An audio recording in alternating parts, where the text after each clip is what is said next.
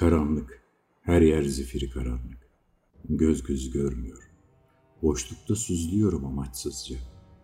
Önce yükselebildiğim kadar yükselip sonra yayından fırlayan bir ok gibi yeryüzüne iniyorum. Bu bana bir nevi antrenman gibi oluyor. Az önce kaçırdığımı hiçbir zaman unutmayacağım. Bir daha asla diyorum kendime. Bir daha asla. Bir bulutun içerisine girmişim gibi her yer bembeyaz oluverdi birden. Karanlıkta uçmaya alışığım ama bu beyazlık hiç izin vermiyor. Her yeri kaplayan sisin ortasında ne yapacağımı bilmez bir vaziyette süzülüyorum. İşte ne oluyor, o anda oluyor. Nereden geldiğini anlamadığım bir pençeyle niye uğradığımı şaşırıyorum. Allah'tan saldırgandan daha hızlıyım da ensemde kanat rüzgarını hissedince sola bir manevra yapıyorum. Kırbaç gibi şaklıyor kanadı. Yıldırım gibi geçip gidiyor yanımdan. Tehlike geçmiş değil henüz. Birazdan yine bir yerlerden fırlayıp çıkacak. Kurtulmak için tek şansım onu pusuya düşürmek. Güvercinlerden öğrendiğim bir numarayı yapıp onu taklaya getirmeyi düşünüyorum. Pür dikkat havayı dinliyorum. Düşmanımın en büyük özelliği sessizliğiydi. Ağaçlık alandan açıklığa doğru süzülüyorum. İyice açıklığa çıkınca havayı dinliyorum ama nafile. Havada ölüm gibi bir sessizlik var. İçgüdülerime güvenip bir güvercin taklası atmaya hazırlanıyordum ki bu defa pençeleri omzumda hissediyorum. Ben karşı koymaya çalışınca ikimiz birden aşağı düşmeye başlıyoruz. Eğer aşağı düşersek hiç şansımın kalmayacağını adım gibi biliyorum. Gözlerimi istemsizce kapatıyorum. Buraya kadarmış atmaca. Her şey bitti. Dediğim anda duyuyorum o tanıdık sesleri. Önce sırtımdaki baykuşun garabet ötüşü, sonra da kadim dostum Lodos'un havlaması çınlıyor kulaklarıma. Gözlerimi açar açmaz saate baktım. Sanki saatlerdir uyuyordum. Ama yine yanılmıştım. Çakal uykularımdan biriydi yine. Hepi topu 20 dakika süren uyanınca da insanı canından bezdiren uykulardan. Ve zaten hep böyle oluyordu. Yıllardır adam akıllı uyuyamıyordum. Gitmediğim doktor, kullanmadığım ilaç kalmamıştı. Verilen antidepresanlar uyutuyordu beni ama bir sonraki günde bir zombiye çeviriyordu. Yaşayan bir ölüden farkım kalmıyordu. Hiçbir şey idrak edemiyorum. En sonunda kabullenmiştim bu durumu. Gün boyunca ne kadar yorulursam yorulayım, kısa uyku nöbetlerinden öteye geçmiyordum uzun bir zamandır. Nöbet diyorum. Çünkü o kısa uyku anları da hep bir kabusta son buluyordu. Ve tıpkı az önce bir baykuşun saldırısına uğradığım rüya gibi. Baykuşun ötüşünü ve akabinde Lodos'un havlamasını yine duyunca sırt üstü dönüp tavandaki camdan gökyüzüne baktım. Ne hikmetse hiçbir şey göremedim. Sanki yıldızlar ışıklarını söndürmüş de huzurlu bir uykuya dalmış gibi yok olmuşlardı. Ve gökyüzünün karanlığı bile görünmüyordu. Cam boğulanmış gibi açık gri bir renk kalmıştı. Lodos bir daha ağlayınca bu defa kayıtsız kalamadım eski dostumun çağrısına. Yerimden kalkıp beş adımda kapıya ulaştım.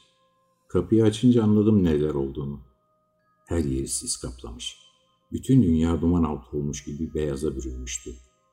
Ne lodosu görebildim ne de dün gece altında konakladığımız karşı tepedeki o ulu ağacı. Öyle büyük bir ağaçtı ki etrafında kendisinden başka hiçbir ağaç olmadığından mıdır yoksa heybetli oluşundan mıdır bilinmez biraz ürkütmüştü beni. Koca ağacın olduğu tarafa doğru bakmaya zorladım gözlerimi ama sonuçsuz kaldı bu çabalarım. Hiçbir şey görünmüyordu. Lodos kesin ağacın yanına gitmişti yine. Dün gelen uğursuz baykuş da tabii. Birbirlerini sevmişler miydi yoksa itişiyorlar mıydı tam kestirememiştim. İyi olmuştu böyle. Zavallı Lodos'un haftalardır benden başka kimseyi gördüğü yoktu. En az üç haftadır burada konaklıyorduk. Kendisine bir meşgale bulmuş olması benim de işime geliyordu. Tekrar girdim içeri. Yatak bana bakıyordu, ben yatağa bakıyordum. Uyku namına bir şey kalmamıştı bende. Ocaktaki çaydanlığa suyu doldurup ocağı açtım. İyi demlenmiş bir bardak çayın iyileştiremeyeceği hiçbir şey yoktu şu kavanoz dünyada. Bir kol mesafesindeki televizyonun kumandasını aldım ve televizyonu açtım. Televizyonun karşısındaki koltuğuma oturdum ve televizyonun kumandasıyla olan aşkımız başladı. Gecenin bu saatinde ne bulmayı umuyordum kanallarda bilmiyorum ama tek tük bütün kanallarda gezindim. Bir iki yerel haber kanalından sonra ulusal kanallardan birinde durdum. Akşam haberlerinin tekrarını veriyordu. Görgüsüz zenginlerimizden biri sevgilisine dünyanın en pahalı arabasını almış. Haber spikeri bayan eminim çok kıskanmıştır görgüsüz iş adamının sevgilisini. Gözlerinde uğradım ya da öyle olduğunu sandım. Kadınları anlamak zaten zordu. Bir de ekrandan anlamak iyice imkansızlaşıyordu. Ocaktaki çaydanlığın düdüğü ötmeye yeni başlamıştı ki spiker bayan tekrar göründü ekranda. Bayan diyorum.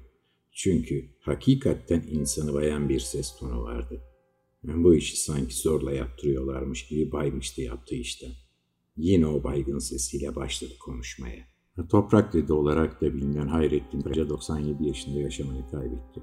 Tema Vakfı'nın kurucusu olan Hayrettin Karaca, Birleşmiş Milletler tarafından orman kahramanı ünvanına da layık görülen bir isimdir, dedi.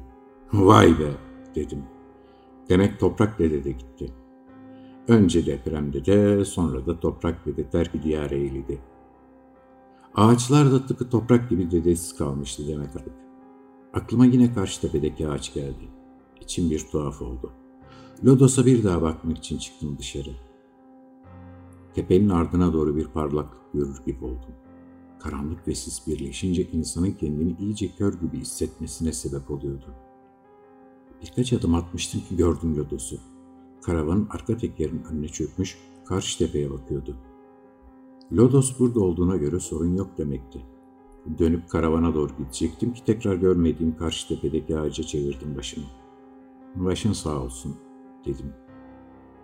Çay demlenirken ben de tekrar kumanda elimde kaldığım yerden devam ettim zırt kanal değiştirmeyi. Demlenen çayı uzanıp aldım ocaktan. Karavanda yaşamanın işte böyle güzel bir taraf vardı. Her şey elimin altındaydı. Her yere maksimum beş adımda ulaşabiliyordum. Masanın üstündeki tabakamı aldım ve kalem gibi sigara sardım. Televizyonda eski bir Türk filmi bulursam değmeyin keyfime demeye kalmadı onu da buldum. Sabahtan akşama kadar Yeşilçam filmleri gösteren, arada abidik gubidik ne kadar ürün varsa saatlerce reklamını yapan bir kanalda Hülya Koçik ve Kartal Tibet'in başrollerinde oynadığı Seven Ne Yapmaz isimli film vardı. Bilmem kaçıncı seferdir izlediğim bir filmdi bu. Esin Engin'in o unutulmaz şarkısıyla hatırlarım her zaman. Bir demlik çay içtiğinde seyrettim filmi keyifle. Sonra bir sigara daha sardım. Çakmağa çaktım ama yanmadı. Bir daha denedim ama nafile yanmayacak. Benzini bittiği için yakamadım bir türlü. Baktım olacak gibi değil mecburen kalktım. Ocakta yaktım sigaramı. Derin bir nefes çektim, sonra bir nefes daha. Keyfim yerine gelmişti. Biraz da uykum gelmişti. Sigaram bitsin, biraz kestiririm diye düşündüm. Birkaç saat sonra güneş doğacak ve yeni bir gün başlayacak yine. Dönüp oturdum yerime. Film bitmiş, son yazı çıkmıştı. Filmin o muhteşem müziği doldurdu karavanı. Bana kollarını uzatsan biraz, sana kul olurum seven ne yapmaz. Gel öldür bu ömür böyle tükensin. Sana bin can feda, seven ne yapmaz. Esin Engin o kadife sesiyle şarkıya devam ederken telefonum çaldı. Şarkı usul usul ruhumu okşarken cebimden çıkardığım telefonu ekrana bakmadan açtım. Alo başkomiserim ben Ökkeş. Rahatsız ettim kusura bakmayın. Bir cinayet ihbarı aldık. Ben olay yerine geçiyorum. Fiko da sizi almaya geliyor. Tamam Ökkeş aynı yerdeyim ben gelsin. Diyerek kapattım. Televizyonda yine o abidik kubidik reklamlardan biri başlamıştı. Onu da kapattım. Sigaram kül olmuştu. Onu da küllüğe bıraktım çaresiz. Çaydanlıkta kalan suyu aldım ve tıraş olmak üzere dört adımda banyoya gittim. Su ılımıştı ama iş görürdü. Fiko'nun gelmesi nereden baksan yarım saat sürerdi. O sırada saçımı ve sakalımı her halükarda kazırdım. Tıraş bitince 80 derece limon kolonyasını elime boca edip yüzüme ve kafama iyice sürdüm. Kafam ve yüzüm alev almış gibi yanıyordu. Yeni bir tıraş bıçağı almanın zamanı gelmişti anlaşılan. Ellerimle kafamı sıvazladım. Bir tarafını kesmiş miyim diye iyice kontrol ettim. Neyse ki herhangi bir keseye rastlamadım. Sadece bir kişinin zar zor sığdığı banyomdan dışarı çıktım. Tütünü karavana dökmeden yavaş yavaş bir sigara daha sardım. Yine ocakta yaktım sigaramı. Saate baktım. Fiko'nun gelmesi an meselesiydi. Deri montumu geçirdim sırtıma ve karavandan dışarı çıktım. Kapıyı kilitlemek için anahtarı deriye sokmuştum ki bizim ekip otosunun ışıkları göründü. O anda fark ettim sisin yavaştan dağıldığını. Kafamı çevirdim, koca ağaç görünüyor mu diye. Anlaşılan henüz o kadar açılmamış dava. Kitap bugün elime ulaştı. İmzalamış sağ olsun Cuma Bey. Hayat ağacındaki ceset bir taşra polisiyesi. Polisiye severlerin kaçırmaması gereken bir kitap.